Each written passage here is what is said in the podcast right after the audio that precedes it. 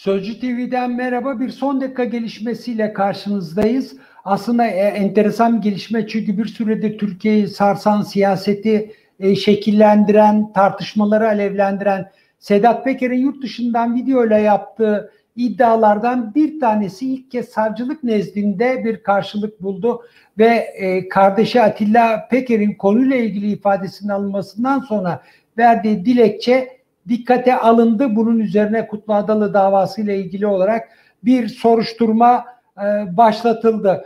Bu konuyla ilgili olarak hatırlayacaksınız özellikle Korkut Eken'in adını işaret etmişti e, Sedat Peker ve Kutlu Adalı cinayeti ile ilgili kendisinden yardım istediğini o da kardeşinin Atilla Peker'in adını verdiğini söylemişti. Nitekim Saygı Öztürk Sözcü Gazetesi'ne yaptığı röportajda özellikle Korkut Eken'in adaya gittiğini o tarihlerde yanında Atilla Peker olduğunu fakat cinayetle bir alakaları olmadığını söyleyerek kendisini savunmuştu. Fakat dava bir kez daha gündeme geliyor. Peki nasıl olacak? Bu Türkiye'de nasıl, adada nasıl işleyecek? İki gazeteci arkadaşım var. Aytunç Erkin Sözcü Gazetesi'nden Aytunç. E, konum Aytunç. Merhaba tekrar. Ve Merhabalar tekrar. Aynı zamanda kitaplarıyla da tanıdığımız Timur Soykan var. Timur merhaba, hoş geldin. Merhaba, iyi yayınlar. Teşekkürler Aytunç. Seninle başlayalım. Çünkü bu konularla ilgili olarak e, yayın yaparken sen Atilla Peker'in de ifadesini yine bizim yayınımız sırasında okumuştun. Fakat o gelişmelerin ardından bir adım atılmamıştı. Şimdi ne oluyor? Nasıl hareket ediliyor? Ne dersin?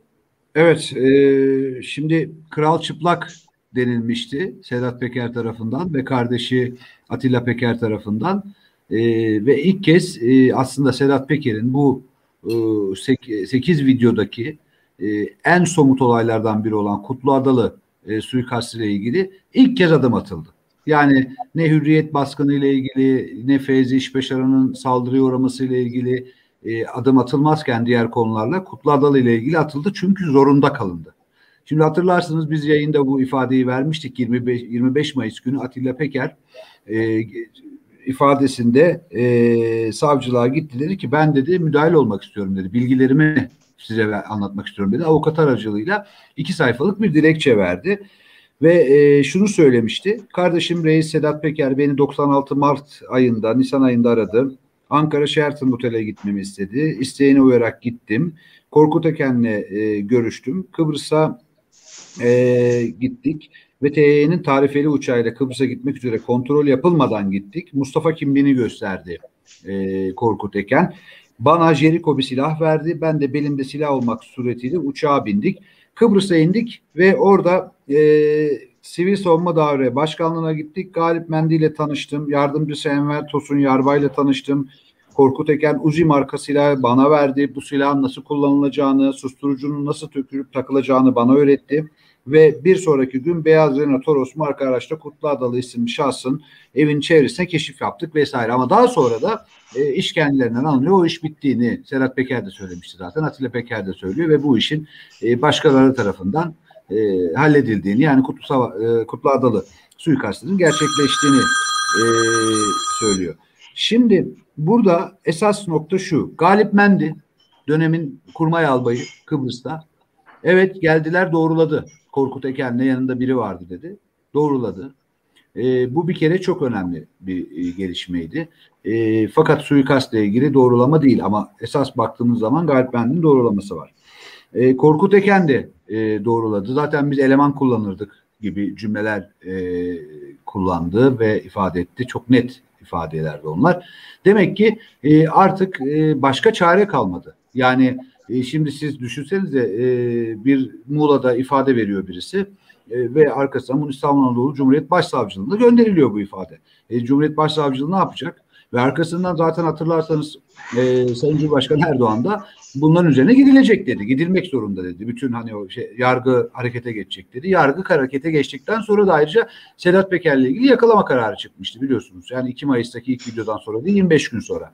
Yani demek ki e, Kutlu Adalı suikastıyla ilgili e, bence bundan sonrası artık Türkiye ve Kıbrıs arasındaki e, hukuki anlamdaki ilişkilere bağlı sürecek. Ama Kutlu Adalı suikastı Türkiye'deki faili meçhul e, dosyasına eklenebilir. Çünkü yeniden yargılama süreci başladı. Mehmet Ağar ve Korkut Eke, diğer isimlerle ilgili 19 isimle ilgili e, bu buraya bu bu dosyaya eklenebilir. E, bu yüzden hani e, bugün Abdülkadir Selvi sabah yayında da söyledik ciddiye almıyorum. Sayın Erdoğan bu konuyu vesaire demişti Sedat Peker'in videolarını ama yargı sonuçta e, çok önemli bir suikastla ilgili e, adım attı. Demek ki ciddiye alınıyormuş. Buradan o çıkıyor şu anda. Peki Timur e, nasıl işler süreç ya da enteresan çünkü e, adada işte 25 yıldır e, tartışılan, konuşulan ailesinin peşinden koştuğu bir dava var ve Sedat Peker'in yaptığı ifşaatların üzerine bir kez daha gündeme geldi. Savcılık o iddialardan ilk kez bir tanesini işaret etti. nasıl yürür? Ya şöyle bir durum var. E, Aytunç'un dediği gibi bu mecburi kalınmış bir soruşturma. Yani ve hatta e, bu kadar gecikmesi bile e, o süreçte yaşananlar bize çok fazla veri veriyor bundan sonra ne olabileceği ile ilgili. Birincisi e, Aytunç'un aynı dediği gibi Sedat Peker bunu söylediği anda 7. videoda artık tanıklığını yani bir tanık olarak kendi çok önemli bir noktaya taşımış oldu. Çünkü kendisine suç örgütü lideri denilmesine bile kızan Sedat Peker bir suikast için Kutlu Adalı yani bir gazeteci cinayeti için tetikçi sağlayan bir isim olduğunu itiraf etmiş oldu. Yani ondan kutladı şey Korkut Eken'in iki tane profesyonel tetikçi istediğini ve kardeşini e, sokakta yetişti. Çok iyi bir tetikçidir diyerek onlara verdiğini anlattı. Şimdi bu bambaşka bir aşamayla Sedat Peker skandalında, Sedat Peker videolarında bu e, çok daha üst bir seviyeye geçilmesi anlamına geliyor. Ve bu bunu söyledikten sonra kardeşinin tanıklık etmesini bizzat videoda istedi. Ve daha sonra da zaten Twitter'da bunları duyurdu. Ama bakın şöyle bir süreç yaşandı. E, Süleyman Soylu Habertürk'teki televizyona çık, e, yayına çıktığında e, Atilla Peker'in gözaltına alınması sorulduğunda biz öğrendik ki ruhsatsız tabanca ihbarı nedeniyle gözaltına alınmış. Bakın ben burada yayında şöyle diyeceğim Erdoğan Aktaş'a. Ben birini öldürdüm diyeceğim. Ya ben iki dakika içinde alır polis. Ya polis zaten bunun için vardır. Savcı bunun için vardır. Ya böyle bir suç itirafı yaptığında hemen gidersin. Ama yargı direndi almamak için direndi. Çok uzun süre direndi. Yani bu itiraflara rağmen almadılar. Ve sonra Süleyman Soylu dedi ki ruhsatsız silah ihbarı nedeniyle alınmış. Ama ben başka bir yani bu Sedat Peker'in itirafları nedeniyle alınması gerektiğini düşündüm. Emniyet Genel Müdürlüğü'ne de bu konuda talimat yazdım dedi. Şimdi ama ona rağmen ne oldu? Ee, Atilla Peker savcılığa gittiğinde ısrarla bu konuda bilgi vermek istediğini söyledi ilk gözaltında. Ruhsatsız silahla ilgili gözaltında. Ya o kadar komik bir durum ki, o kadar muz cumhuriyeti manzarası ki bu. İfadesi alınmadı. Savcı o konuda ifadesini almadı. Sedat Peker de bunu Twitter'dan ya kardeşim ifade vermek istiyor. İfadesini almıyorlar diye. Daha sonra serbest bırakıldı Atilla Peker. Sırf bu ifadeyi verebilmek için gitti. Yani soruşturma bakın bir ortada suç var. O suçla ilgili itiraflar, ikrar var ve savcıya gidiyorlar, ifade aldırtamıyorlar. Biz böyle bir hukuk e, yoksunluğu, böyle bir yargı yoksunluğu içerisindeyiz. Ama en son mecburen gidince aldılar ve Anadolu Savcılığına talimatta e, gönderdiler e, Atilla Peker'in itiraflarını, ifadesine. Aynı e, Aytunç'un dediği gibi Galip Mendi doğruladı, Korkut Eker'in eleman olduğunu söyledi. Her şeyi söyledi. Erdoğan da çıktı e, grup toplantısında yine Aytunç'un hatırlattığı bir şey hatırlatayım. Bu iddiaların üzerine gidecek, soruşturulacak ve iftiralar ortaya dökülecek dedi. Yani bir yani yargı evet. sürecini işaret etmedi. Yargı sürecinin ne yapması gerektiğini söyledi. Yani bu itiraf olarak bunları tanımlayın dedi. Ama şimdi Kutlu Adalı olayında şöyle bir durum var. Deliller çok net. İ, ikrar çok net. Yani bunu ne kadar kapatabilirsiniz? Yani çok zordur bunu kapatabilmek. Ama hala Mehmet Ağar, Korkut Eken e, bir şüpheli mi değil mi onu bile bilmiyoruz. Aradan bir ay geçecek neredeyse. 20 günü geçti bu iddiaların üzerinden. Yani çok uzun zaman geçti. Hala ifadeleri bile alınmadı. Bakın ifadeleri bile alınmadı. Ya gözaltını bırakın ifadeleri bile alınmadı ki ortada bir gazeteci cinayetinden bahsediyoruz. Çok ciddi, yani çok ciddi bir olaydan bahsediyoruz. İfadeleri bile alınmadı. Dolayı ben hani e, bir tahminimi ya da bir yorumumu yapayım ama sorum ikinize de önce Aytunç katılır mı bilmiyorum sonra Timur sana soruyorum. E, şimdi Olayları geri sardığım zaman e, Sedat Peker bu konuyla ilgili iddialarını gündeme koyduğunda çok açık kardeşinin adını verdi. Elbette ki kardeşinin gözaltına alınacağını biliyordu ve şimdi dönüp baktığımda çok zekice bir kurgu yapmış gibi geliyor bana. Çünkü Atilla Peker gözaltına alındı. Timur az önce ifade ettiğin gibi işte ruhsatsız silah e, bulundurmak ya da neyse ve serbest bırakıldı. Fakat buna rağmen Atilla Peker kayıtlara bu cinayeti kork e, çünkü e, Kutlu Adalı cinayetini e, geçirdi. Nitekim az önce e, Aytunç'un e, ifadesinde okuduğu gibi sonra cezaevinde yanlarına gelmeleri, bu cinayeti biz işlemedi, e, bu cinayeti biz hallettik ya da bu olayı biz hallettik demeleri. Çünkü Atilla Peker olayın içinde aslında yok. Tetiği çeken değil ama bir şekilde kayıtlara yani Türkiye Cumhuriyeti Devleti'nin kayıtlarına ve tabii ki KKTC kayıtlarına bu o, ifadeyi geçirtmiş oldu. Yani Sedat Peker ne istiyorsa yapmış oldu. Bu yorum, bu o, nasıl değerlendirirsin Aytun seninle başlayalım. Şimdi aslında Erdoğan Aktaş bence tam da burası. Sedat Peker kardeşinin bu suikastla ilişkisi olmadığını, tetiği çekmediğini, işin içinde olmadığını çok net şekilde bildiği için bir hesaplaşma süreci. Ben daha önceki bir yayınımızda, bu yayında 25 Mayıs'taki yayınlarımızda şunu söylemiştim.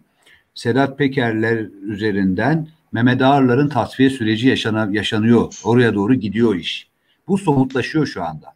Yani Sedat Peker bilmiyor muydu bu soruşturma açılırsa Mehmet Ağar, Korkut Eken gibi isimlere gidilecek. Galip Mendi gibi isimlere gidilecek. Çok net biliyordu. Ve şu anda sizin dediğiniz gibi o satrançtaki hamlelerini yaparken çok ciddi bir şekilde e, 3-4 sonrasını, 3-4 hamle sonrasını düşündü ve şu anda İstanbul Anadolu Cumhuriyet Başsavcılığı e, Atilla Peker'in e, iddialarını, ifadesini aslında artık kayıtlara geçirmiş oldu. O da aldım ben dedi. Buna başlıyorum. Şimdi bir Korkut Eken ifadeye çağrılacak. Başka çaresi yok. Galip Mendi e, Kıbrıs'taki Sivil Savunma Daire Başkanlığındaki 94-96 arasındaki Kurmay Albay. Sonra Jandarma Genel Komutanı biliyorsunuz. Yani çok önemli bir isim. Ve bu suikastla ilgili daha kimler çıkacak? Hani Abdullah Çatlı'nın ismi geçiyordu vesaire. Şimdi Abdullah Çatlı ölmüş olabilir ama onunla ilişki içinde olan, ona kimlik veren kimler daha öncesinde. Hani bütün hepsi aslında zincirin o parçaları gibi birleştirilecek ve bir susurluk o dönemine doğru geriye doğru gidiş ve temiz eller sürecini biz başlattık havası da verilebilir buradan. Bunu tabii göreceğiz önümüzdeki süreçte. Ama burada Sedat Peker'in sizin dediğiniz gibi hamleleri şu anda oturmuş oldu. Yani yerine geliyor. Hamleler çok ciddi bir şekilde 3-4 hamle sonrasıydı ve geldi. Şimdi Galip Bendi dedi ki beyaz toros verdim. Sonradan öğrendim ki Sedat Peker'in kardeşiymiş. Korkut Eken büyüğüm. E, Korkut Eken doğruladı. Atilla Peker dedi ki biz devlet için yaptığımızı zannediyorduk dedi. Hatta İçişleri Bakanı Süleyman Soylu Habertürk yayınında ne demişti? Ben bu silah değil sadece ruhsatsız silah değil koma yazı yazdım. Esas Kutlu Adalı suikastıyla ilgili soruşturmayı yapın ifadesini alın diye başvurdum dedi şimdi. İçişleri Bakanı bunu söyledi. E demek ki devlet içinde ve iktidar güçleri arasındaki çatışmanın bir yansıması daha olarak karşımıza çıkacak burada. Burada heba edilmemesi gereken esas konu şu Kutlu Adalı suikastını çözebilmek. Yani onun üzerine gazetecilerin, siyasetin çok ciddi bir şekilde artık gidebilmesi. Elimizde şu anda somut bir durum var. Yani onları kaçırmamamız gerekiyor. Timur ne dersin? Birkaç hamle öncesini görerek hareket etmiş gibi görünüyor Sedat Peker. Sana da öyle geliyor mu ya da benim yorumuma katılır mısın? Kesinlikle, e, yorumunuza kesinlikle katılıyorum. Çünkü şöyleydi zaten. Yani Sedat Peker ilk videolara başladığında Mehmet Ağar'la birlikte başladı. Yani Mehmet Ağar, Tolga Ağar, sonra Pelikancılar, işte derin devletçiler onlara diyordu, Pelikancılar diyordu. Ve onun en net hedefi e, kendisini tasfiye ettiğini düşündüğü ve evinde işte silah doğrultanın da aslında çocuğuna Peker'in adamı olduğunu iddia etti. İlk hedefi Mehmet Ağar'dı. Ve bu konuda bir e, video zinciri başlatmıştı. Ve Mehmet Ağar'ın e, bu aşamaya getirdiğinde şu anki videoların amaçları açısından baktığımızda Sedat Peker için en yakın olduğu hedef Mehmet Ağar ve Korkut Erken'in tasfiyesi. Ya onların yargılanması. Yani şu ana kadar e, onun en somut kazanımı yani başardığı nokta olarak bunu görebiliriz. Çünkü bu konuda eli çok güçlüydü. Yani çünkü o tanıklıklar çok çok önemliydi. Türkiye için de çok çok önemli. Çünkü Kutlu Adalı cinayetinin tamamen aydınlatılması gibi bir fırsatla karşı karşıyayız. Ama şöyle bir durum var. Biraz önce de dediğim gibi Erdoğan grup toplantısına çıkıp bu iddialar araştırılacak, hepsinin nasıl iftiralar olduğu, arkasındaki güçler falan ortaya çıkartılacak dediğinde Erdoğan e, bu soruşturmalara güven azalıyor. Çünkü e, biliyoruz ki medyanın, ülke medyasının %95'i iktidar kontrolünde, ülke yargısının %100'ü iktidar kontrolünde neredeyse. Ve şimdi bu soruşturmalarda Aytunç'un dediği gibi elbette Korkut Eken'in ifadesi alınacak. Mehmet Ağar'ın, Galip Mendi'nin e, Kıbrıs'ta bir yine soruşturma yürüyecek bununla ilgili. E, ama işte biz bu soruşturmalara ne kadar güvenebileceğiz? Ve bu soruşturmalarda gerçekten failleri bulmaya odaklanmış soruşturmalar mı olacak? Yoksa e, yine siyasilerin elindeki bazı unsurların, yargı içindeki bazı unsurların aman biz bu dosyaları kapatalım, e, krizi büyütmeyelim noktasındaki bir tavrı mı gelişecek? Yani e, isterseniz işte bunu susuzluk döneminde gördük. E, o çete mensuplarının yargı önünde mahkum olduğu süreçler işletildi. Ama o iddiaların hepsi tek tek ciddiye alındı ve araştırıldı. E şimdi burada Galip Mendi görmedim. Korkut Eken başka bir olaydı. PKK'ları takip ediyordu deyip bu ifadeler inandırıcı bulunup bu dosyanın kapatılması gibi bir yola girilmesi ihtimali de var.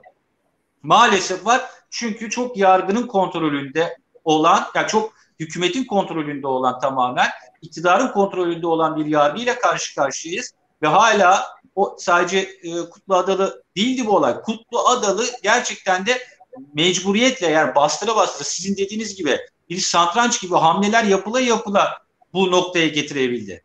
Ya oysa normal bir ülkede şimdiye kadar 10 kere bu soruşturma açılması gerekirdi. Adeta bu soruşturmayı açmamak için devlet direndi. Ama şimdi çok fazla daha var. İşte hürriyet baskını ile ilgili itiraflar var yine.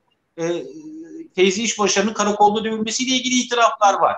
E, bizzat İçişleri Bakanı televizyona çıkıp dedi ki Sedat Peker'den 10 bin dolar ayda para alan siyasetçi var dedi. Ya İçişleri Bakanı'nın görevi normalde onları yakalayıp kamuoyuna açıklayıp işte biz yakaladık 10 suç örgütü liderinin 10 bin lira aylık alıyormuş bu adam diye ifşa etmektir ama bunu yapmadı. Hala da açıklamadı o ismin kim olduğunu. Yani bununla ilgili bir soruşturma bile yok. Yani İçişleri Bakanı'nın söylediği konuyla ilgili bile bir soruşturma yok. Yani onun için bu yargı süreci elbette nihayet ilk defa bir adım atıldı. Yani umudumuzu da kaybetmememiz lazım. İnşallah gerçekten bu süreci aydınlatmak e, motivasyonuyla e, bu süreç işletilir. Ama halen aradan bir aya yakın vakit geçmiş olmasına karşın soruşturma açılmamış o kadar önemli konular var ki ve siyasilerin bu konudaki öyle açıklamaları var ki yargıya talimat olarak değerlendirilebilecek. E, bu konuda e, kaygılı, gerçekten kaygı duyuyorum. Evet. Ee, Şimdi Erdoğan Aktaş bir de e, Atilla Peker'in Saygı Öztürk'e verdiği röportaja döndüğümüz zaman e, çok ciddi iddialar var orada da. Yani Galip Mendi oradaki alay komutanı e, Kutlu Adalı'yı e, alaya aldı. Dem, orada yapacaklardı. Herhalde onu yapmak istediler ama başaramadılar diyor.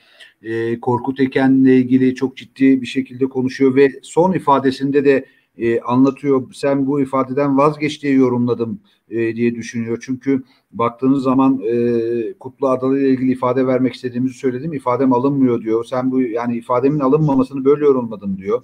E, ve arkamdan mesela ben diyor ifade vermek için yola çıktığımda e, arkamdaki polisler beni aslında durdurup bu şekilde ruhsatsız tabancaya dönüştü iş diyor. Şimdi bunların hepsi aslında baktığınız zaman bir bir bir sorgulanabilecek isimler yani polisler var işin içinde savcılık ne için e, sorgulamadı ilk önce ifadesini almak istemedi. Aytunç, ee, ben Galip... soruyu da soruyorum. E, hepimiz biliyoruz tahmin ediyoruz ki e, Sedat Peker gibi bir isim Kutlu Adalı cinayeti aydınlansın diye bunu yapmıyor. Kesinlikle. Başka bir hedefi var. Bu hedef sadece adı geçen kişilerin tasfiyesi, intikamı, ya da kendisine bir fenalık yaptığını düşündüğü için karşılık vermemi bilmiyoruz. Bunu zaman gösterecek ama Sedat Peker Kutlu Adalı cinayeti e, aydınlansın, faili meçhul bir cinayet ortadan kalksın ya da Kutlu Adalı gibi bir isim neden öldürüldü işte ah ah vah vah demiyor. Başka Aynen. bir hamlesi var. Bunu sadece tahmin ediyoruz tabii.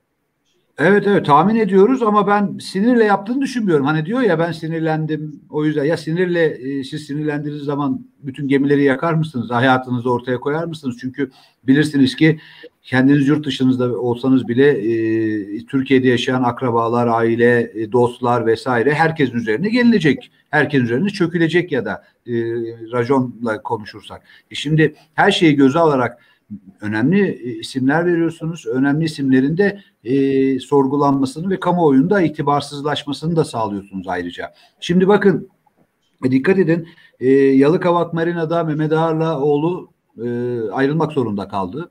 Hamlelerden biriydi bu. Bu başarıya ulaştı. Kutlu Adalı suikastı yine Korkut Ekenler'in isimlerini vesaire hepsini verdi. E, ifadeyi zorladı. Bunu da başardı. E, Feyzi İş başaran saldırıyı doğruladı. Hürriyet baskını zaten tanıkları var. Gazeteciler var. E, bunları boynu kalın. Abdurrahim boynu kalın doğruladı. O tweetleri sildi ama kayıtlara düştü. Yani ilk üç tweet'i. Yani demek ki bizim üzerimizdeki yük kalktı dedi. E şimdi aslında tek tek tek geliyor. Yani Serhat Peker'in söylediği e, kriminalden ziyade somut olaylar ortaya çıkmaya başladı. E, buradan e, nereye doğru varacak iş? E, ben işte onu söylüyorum. İktidar sabahki yayında da onu söylemeye çalıştım. İktidar bu işin üzerine ne kadar çok giderse o kadar yıpranmaz aslında bir taraftan. Onlar tersten bakıyorlar olaya. Diyorlar ki aman bunlar bizi zayıflatacak. Tam tersi. Sen kamuoyunda itibarlaşacaksın. İtibarın olacak. Hayır yapmıyorlar ama şu anda. Yani düşünsenize e, Abdülkadir Selvi'ye şunu ya, şunu yazıyor ya. Kitleri çantamda taşıdım. Taşıdı Erkam Yıldırım. O yüzden gümrükten e, bildirilmedi vesaire. Kaç tane götürdün? Nereye götürdün? Nasıl oldu? Ya komedi. Yani komik şu anda artık durum. Ya buradan da şeye de imkan tanıyorlar biliyor musunuz? Yani Fethullahçıların eline o kadar çok malzeme veriyorlar ki yurt dışında özellikle bu dezenformasyon yapmak isteyen bilgileri başka yönlere doğru çekmek isteyenlere aslında sağlıklı bir şekilde yürütülse bu ülkenin hayrına olacak. Yani şimdi Sözcü TV'de biz niye bu yayını yapıyoruz? Yani bir yere hedef almak için yapmıyoruz ki gerçeklerin ortaya çıkması ve bu ülkenin daha adaletli bir toplum olmasını istiyoruz. Başka bir nedeni var mı? Yani bizim derdimiz yok iktidarmış, şuymuş, buymuş falan değil ki. Yani şimdi bugün e, Adalet Bakanı'nın açıklamaları, Abdülhamit Gül'ün, Habertürk yayınında e, İçişleri Bakanı Süleyman Soylu ben görevimi yaptım, hukukta sorun var diye ısrarla Abdülhamit Gül'ü aslında Adalet ve Kalkınma Partisi içindeki milli görüşçüleri, Numan Kurtulmuş'a yakın isimleri gösterir, hedef göstermişti. Şimdi de e, Adalet Bakanı açıklama yaptı isim vermeden e, Süleyman Soylu'yu eleştiren açıklamalara döndü bu. Yani demek ki bir güç kavgası sürüyor. Serhat Peker de bu içerideki çelişkiyi daha da derinleştirmek için bir takım açıklamalar yapmaya devam ediyor. Ben bu pazarki açıklamasında da hani da o çelişkiyi körükleyecek şeyler bekliyorum, cümleler bekliyorum. Hani Tayyip abi ajanlık meselesi var ya ajan ben değilim bak başkaları mı acaba diye bir mesaja doğru e, gidebilir diye düşünüyorum.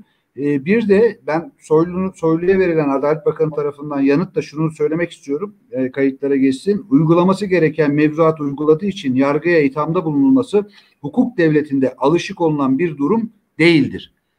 Çok net. Yani Abdülhamit Gül'ün de verdiği yanıt. Yani bu süreç e, hem Adalet ve Kalkınma Partisi içindeki çelişkileri daha da arttıracak ama bir taraftan e, bizim ayrımıza olan 96'da açılan ama sonrası devamı gelmeyen susurluk sürecinin tekrar e, olumlu anlamda gündeme gelmesi ve bir takım yargıda işte Fethullahçılar tarafından değil de yargıda gerçekten bu işi yapmak isteyen yurtsever savcıların e, üzerine giderse çok şeyi çözebileceği bir döneme girdiğimizi düşünüyorum ben. Hem iktidar kazanır hem Türkiye kazanır aslında buradan akıllı davranılırsa.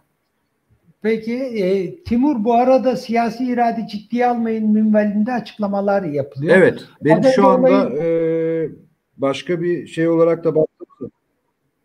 E, karıştı galiba. Hanginiz konuştu göremedim.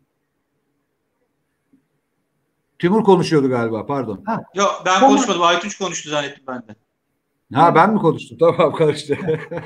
Peki Aytunç geleceğim sana ama Timur'la devam edeyim. Şöyle başlamıştım söze siyasi irade diyor ki ciddiye almayın. Yani bu minvalde açıklamalar yapıyor. Ama yapılan açıklamaların işaret ettiği herkes bu konuyu ciddiye alıyor. Mesela Abdurrahim Boynukalın'dan tutun da işte Feyzi İşbaşı'na ya da Adalet Bakanlığı'nın bir kısmı herkes bir şekilde bir kısmını ciddiye alarak hareket ediyor ve benim e, hatırlamıyorum ki Adalet ve Kalkınma Partisi içerisinde e, bakanlar ya da güç odakları bu kadar açıktan açığa birbirine düşsün. Ne dersin Timur?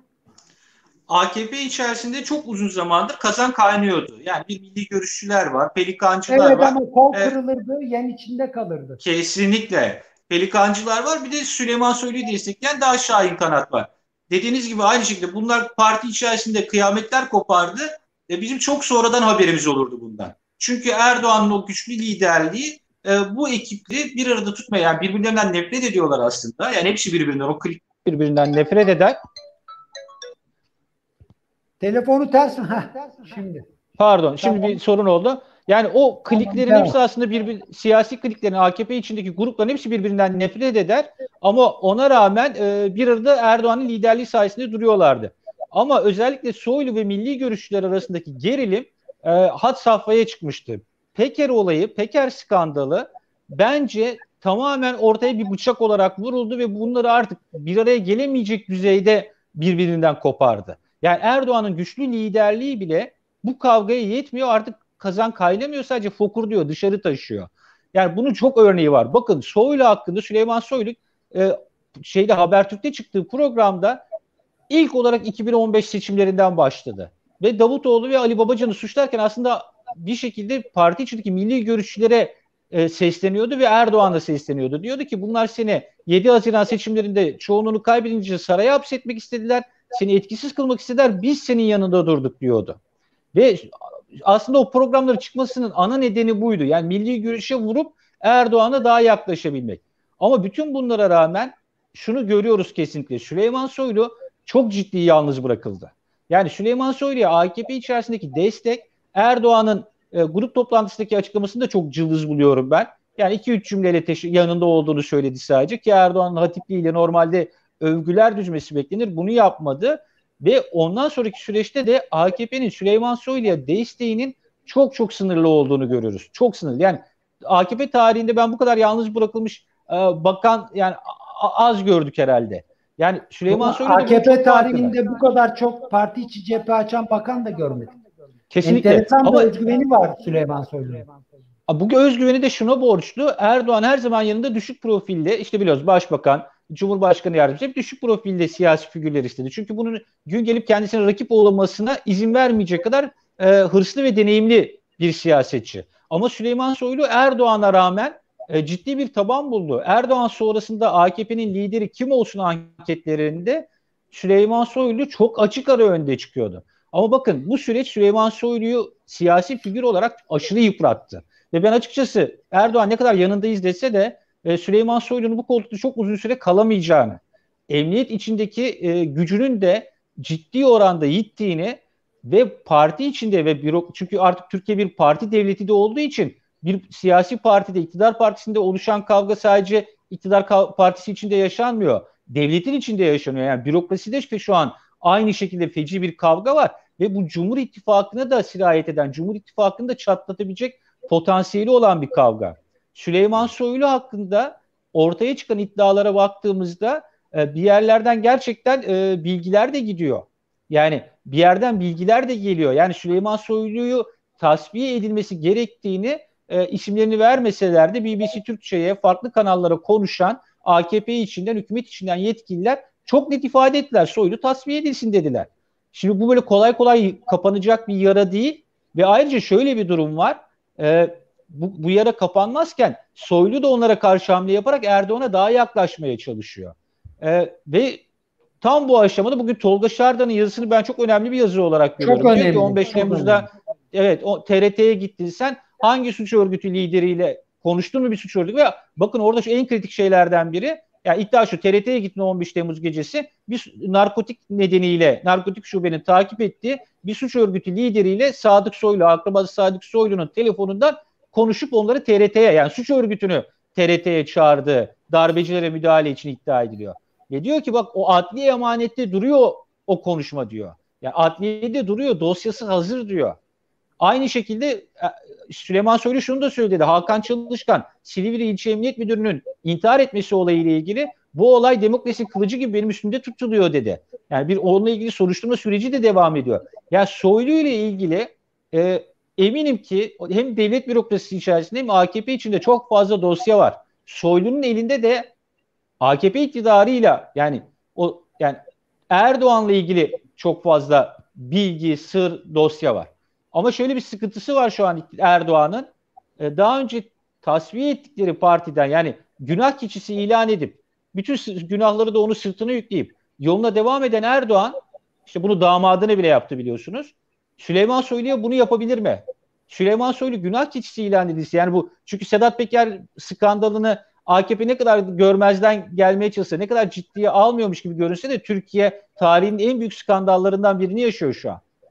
İster istemez o kapısına gelecek ve onu çok yıpratıyor bu süreç. Yani bu böyle kaçabileceği, gözlerini kapatıp görmezden kafasını kuma göre sokabileceği bir süreç değil. Arttıkça dozu artan bir süreç. Ve bu üstüne yapıştı sürece Aytunç'un dediği gibi bunu sen ciddiye almadığın sürece oradaki ve bir yargı olmadığı için artık ülkede bu suçlamaların hepsi onun üzerine yapışacak ve bu kir bakın Türkiye'de merkez sağ bitiren unsurlardan biridir. Yani 90 o susurluk skandalından sonra merkez sağın bu kadar darmadağın olmasının nedenlerinden biri de susurluk skandalıdır. Bunlar böyle yıpratır. Yani bataklık o kir, kirin içinden çok kolay çıkamaz AKP. Yani öyle bir İçişleri Bakanı'na sahip çıktım işte yok gözümüzü kapatalım ciddiye almayalım. Hayır. Bu öyle kurtulacak bir süreç değil. Yani ne kadar yargıyı ele, ele geçirmiş olurla olursa olursa olsunlar şu an Sedat Peker bir medya patronu adeta. Milyonlarca evet. insan izliyor sosyal medyadan. Ve o iddialar, Son bakın, Türkiye'deki nüfusun geneline vuracak olursak ortalama her 8 kişiden 7 kişiden biri izledi. Çok çok ilginç. Yani. Evet çok ilginç. Bir de şöyle bir durum var. Siz biz yayın yaptığımızda örneğin AKP, AKP tabanına ne kadar ulaşabiliyoruz diye kendimize soruyoruz. Ama Sedat Peker ulaşıyor AKP tabanına. Z kuşağına ulaşabiliyor mu diye soruyoruz. Z kuşağına Sedat Peker ulaşabiliyor. Ve bu gerçekten tehlikeli de bir şey bir yanıyla. Yani çünkü oraya çıkıp temiz toplumun aslında olmadığını anlatan ve kendini öyle aklamaya çalışan bir suç örgütü liderinden bahsediyoruz. Özellikle yani tehlikeli bir alt doğru söylüyorsun. Bir, bir de bu son e, videosunda Türkiye'deki yolsuzluk ve yoksulluğa ve aynı zamanda sadece 3-5 aileye dağıtılan ihalelere dem vurdu. Çok ilginç. Bunun AK tabanında farklı bir karşılık bulacağını en azından e, o tabandaki insanların bunu e, can atarak dinleyeceğini düşünüyorum ben. Kesinlikle katılıyorum. Kesinlikle katılıyorum. Hatta yani bir şey e, Sedat Peker'in bir siyasi figüre AKP ile dönüştürülmüştü bir mafya lideri olmasına karşın artık çok daha güçlü bir siyasi figüre AKP muhalefeti sayesinde ve YouTube videolu sayesinde ulaşıyor. Ee, ama gerçekten hem AKP'nin içinin kaynadığı e, hem de devlet bürokrasisinin kaynadığı toplumda da bir dinamiğin harekete geçirebildiği bir süreç yaşıyoruz gibi görünüyor.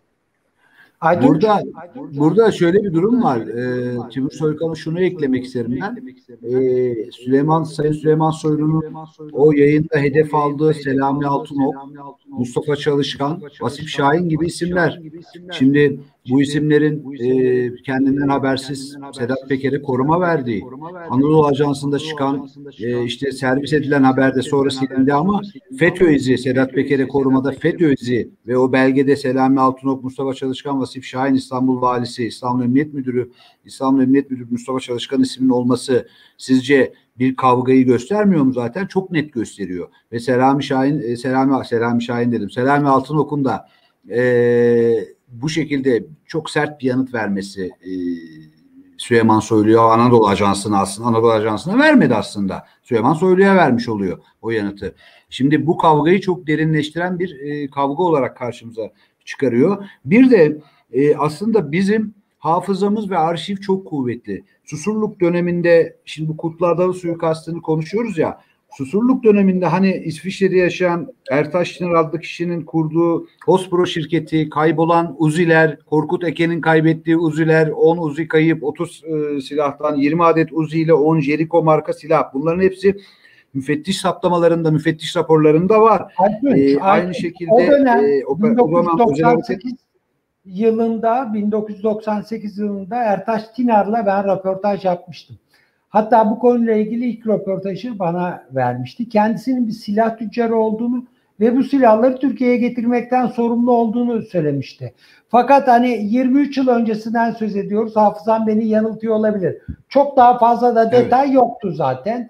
Ve işte kendisinin zaten bu ticaretlerle ciddi para kazandığını falan anlatan enteresan bir adamdı. Enteresan bir şekilde de öldü zaten. Hani bir şaibe olduğu için söylemiyorum ben e, genç sayılabilecek bir yaşta da e, öldü. Orada e, sorumlu tutulan Ertaş Tinar değil de o organizasyonları yapan resmi kişi, kurum ve kuruluşlar olması gerektiğine inanmıştım o zaman ben. Özellikle kayıp uziler konusunda. Evet. Ya Onuzi kayıp. Yani şimdi mesela Özel Harekat Dairesi Başkanıydı o dönem vekiliydi İbrahim Şahin. Mahkemede ne demişti? Eken bu silahları yapılacak operasyon için yabancı bir ülkeye gönderdi Korkut Eken. E çok net ifade aslında. Yani e, hangi yabancı ülkeye?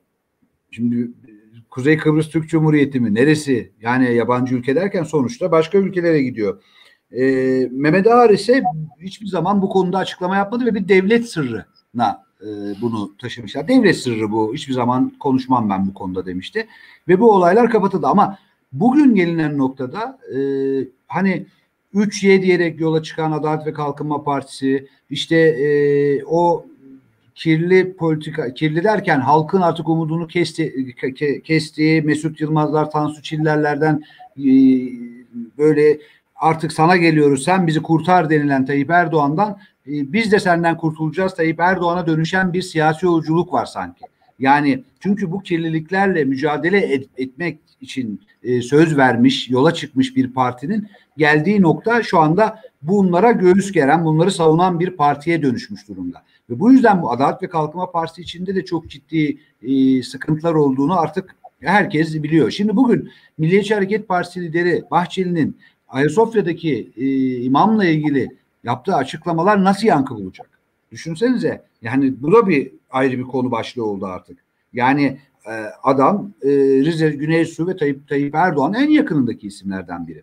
Yani e, Emin Saraç Hoca'nın e, işte cenazesini kıldırabilecek kadar da talebesiymiş çünkü. Beşeriyet diye bunların bir yapılanmaları var zaten. Ve orada Mehmet Boynukalın, e, bu Mustafa Demirkan gibi isimlerin hepsi ortak beraber övülen ve portreleri yapılan Beşeriyet diye bir e, İslami yapı, siyasal İslamcı bir yapının e, isimleri bunlar. E şimdi buraya da hedef alındı. Burada da bir hedef e, gösterildi. Bahçeli tarafından bu sefer de. E, ne olacak? Nereye doğru gidecek? Eğer Erdoğan bunlara ciddiye almıyorum demişse gerçekten yani AKP'de bu zaten konuşuluyordu bu şekilde ama bugün Abdülkadir Selvi yazdı. E, ciddiye almıyorlarsa o zaman o, yani ciddiye alacak başkaları vardır mutlaka diye ben düşünüyorum. Peki e, son yorumları alalım. Timur nereye evrilir bu konu? Kutlu Adalı cinayetinin e, tabii nasıl so arada 25 yıl geçmiş orada bir takım şeyler kararmış mıdır göreceğiz ya da bir sonuç alınacak mı göreceğiz. Ama Sedat Peker iddialarının başka kısımları da yine savcılığı harekette geçirebilir diyor muyuz bu hamleden sonra? Yani olması gereken o aslında 20 yani son bir aydır olması gereken bu. Ama zaten buradaki haber değil. Yani e, deriz ya biz haber olması için köpeğin adamı değil adamın köpeği ısırması gerek, gerekir diye. Bu adamın köpeği ısırdığı kısım soruşturmanın açılmamış açılmaması olayı. Yani bir ülke düşünün ki yargısı o kadar etkisiz hale getirilmiş ki yani televizyon ekranlarından milyonlarca kişinin izle, izlediği itiraflar, ifşalar, ikrar olayları soruşturulamayan bir ülke burası. Yani burada şununla yüzleşiyoruz. Başkanlık sisteminden sonra bu ülkenin yasama yani mecliste bir araştırma komisyonu kurulması gibi ne yasama devreye girebiliyor ne de yargıya devreye giriyor. Yani devletin iki organı artık sakat. Yani ömrün tamamlamış. Hem yasama hem yargı. Bakıyoruz e, yasama ve yargının yerinde ne var? Yani o devasa devlet içinde oluşan o boşlukta mafya büyük bir yer kaplamış ve neredeyse devlet organına dönüşmüş. Şimdi böyle bir tabloyla Türkiye yüzleşiyor. Şimdi onlar ciddiye almasa da Erdoğan bunu geçelim, görmezden gelelim dese de ortada e, çok çok büyük bir kabus senaryosu var. O da ülkenin bütün denetim mekanizmalarının yok olması, kontrol mekanizmalarının yok olması, tek adam ve mafya organı biçiminde bir devlet yapısının genel e, kabul olarak e, anlaşılması artık böyle görülmesi ülkenin. Bu bir, bu bir çok çok çok kötü bir senaryo. Bu aynı Aytunç'u dediğine çok katılıyorum. Erdoğan eğer bu yolda devam edecekse ki öyle devam edecek bütün bu bataklığın kirini sahiplenmiş olacak ki zaten sorumlu bunda. Ve bütün bu bataklığın kiriyle birlikte yola devam etmeye çalışacak. Ama ne kadar Türkiye çok büyük skandallar gördü. Türkiye e, Erdoğan'ın çok çok büyük skandallardan e, tekrar yoluna devam ettiğini de gördü Türkiye. Ama o zamanki ekonomi tablosu yani ekonomik tablo hiç böyle değildi. AKP'nin e, toplumda o ekonomik buhran nedeniyle oluşan tepkiyi kontrol etmesi bu koşullar altında, bu kirlilik altında bence mümkün değil. e, ve hatta anketle siyaset yapan bir isimdir. Hem Erdoğan hem AKP anket sürekli bakan a, a, anket temelli siyaset yapan e, partilerdir. E, ben bunların çok ciddi bir şekilde e, siyasi olarak e, onları tüketen bir noktaya götürdüğünü fark ettiklerini fark etmiyorlarsa da e, çok kısa süre içerisinde onlara fark edileceğini düşünüyorum. Bence bu artık siyasi büyük bir dönüşümün, e, mecburi bir dönüşümün e, kaçınılmaz olan noktasının işaret bir şeyi. Yani artık bu ülkenin bu mafyalardan, bu bataklıktan, bu kirden kurtulabilmesi için çok büyük bir temiz eller operasyonu ihtiyacı var. Devletin buna göre yapılandırılmasına ihtiyaç var. Çünkü beka sorunu dediğiniz beka sorunu bu. Ya bu bataklıkta daha dibe sürüklenmeye devam edecek bu ülke ve korkunç şeyler yaşayacak ya da bu ülke bu kirin içinden çıkıp yeni bir yönetimle büyük temiz yerler operasyonuyla bu devletini, bu kurumlarını daha demokratik hale getirecek ve arındıracak. Bu yolsuzluklardan, e, bu suçlulardan arındıracak. E, Türkiye'nin başka bir çıkışı yok. Teşekkürler. Ben de son, Aytunç alayım senden son yorumları. Evet ben de son olarak e, Adalet Bakanı Abdullah Abdülhamit Gül'ün e, gerekeni yapmasını e, gerektiğini düşünüyorum. Çünkü şunu söyledi artık. Hak aranacak yegane yer yargıdır. Bu noktada kimsenin kendisini hakim savcı yerine koyma, mahkeme yerine geçme etkisi yoktur. Hak aranacak yegane yer yargıdır dedi. Demek ki biz bu yargıya güvenmek zorundayız. Abdülhamit Gül şu anda bu sözüyle bir senet imzalamıştır ve bunun artık hayata geçirilmesi gerekmektedir. Galip Mendi'nin ifadeleri alım ifadesi alınmalıdır. Gözaltı değil bakın sabahın köründe kalkıp alın geldi öyle değil. İfade Korkut Eken'in ifadesine başvurulmalıdır. Ve o dönemin bütün tanıklarının tekrar bu dosyalar açılmalı ve gerçekten Türkiye'nin özlediği o tabloya ulaşılması gerekiyor. Bir güç kavgasının, çatışmaların e, zaten bakın hani diyorlar güç çatışması biz diyoruz hep bunu ama zaten bunlar hep güç kavgalarından çıkar bu ifşalar ve bu çelişkiler. O yüzden de e, sorun yok. Bu güç çatışmalarını yaşasın iktidar, iktidarın içindeki kuvvetler, bürokrasi vesaire. Ama buralardan bilgiler zaten ortaya çıkar. Yargı da bu bilgileri toplar. Yani hiçbir şey yoksa Saygı Öztürk'ün üç tane yaptığı röportaj var. Bizim yazdığımız yazılar var. Alırsın bunu bir dosya oluşturursun zaten. Çok basit. Yani bunu da e, hani Serhat Peker savcılığa diyor ya şöyle yapın böyle yapın bak bunu gösteriyorum vesaire diyor. Daha somut biz burada legal anlamda işimizi yapıyoruz vesaire. Siz İlker Başbuğ'la ilgili iddianameyi çok rahat hazırlayabiliyorsunuz. 3 yıla kadar hapis isteyebiliyorsunuz. Bir paragraflık iddianameyle Kutlu Adalı suikastı, susurluk süreci, faili meçhuller vesaire. Açın bunları ve bunların üzerine gerçekten gidin. Fethullahçı yargı ile değil. Hadi Fethullahçı yargı da yok şu anda ortada. Sizin kendi istediğiniz oluşturduğunuz yargı da var. Kimse sizin elinizi tutmuyor şu anda. Peki Aytunç, Timur çok çok teşekkür ederim yayına katıldığınız için. Önemli bir son dakika gelişmesiydi. Bundan sonraki e, gelişmeleri de tabii ki takip edeceğiz. Çok teşekkürler katıldığınız için. Sağ olun. Teşekkürler. teşekkürler. İyi günler. Kutlu Adalı soruşturmasının tekrar gündeme gelmesi, dosyaları raftan indirilme talebi Sedat Peker'in ifadesi, daha doğrusu anlattıkları ve Atilla Peker'in ifadesinin ardından gelişmeler. Tabii her gün her dakika yeni bir olay oluyor. Gerçekten biz de merakla bekliyoruz ne olacak, daha hangi ifşaatlar olacak, bunların hangisi hukuki karşılık bulacak. Tabii bütün son dakika gelişmeleriyle biz de Sözcü TV'de YouTube kanalımızda karşınızda olmaya devam edeceğiz ama yeter ki siz de bizi izlerken aynı zamanda YouTube'dan abone ol tuşuna basıp bizi takibe almanız bir başka yayında görüşmek üzere hoşçakalın.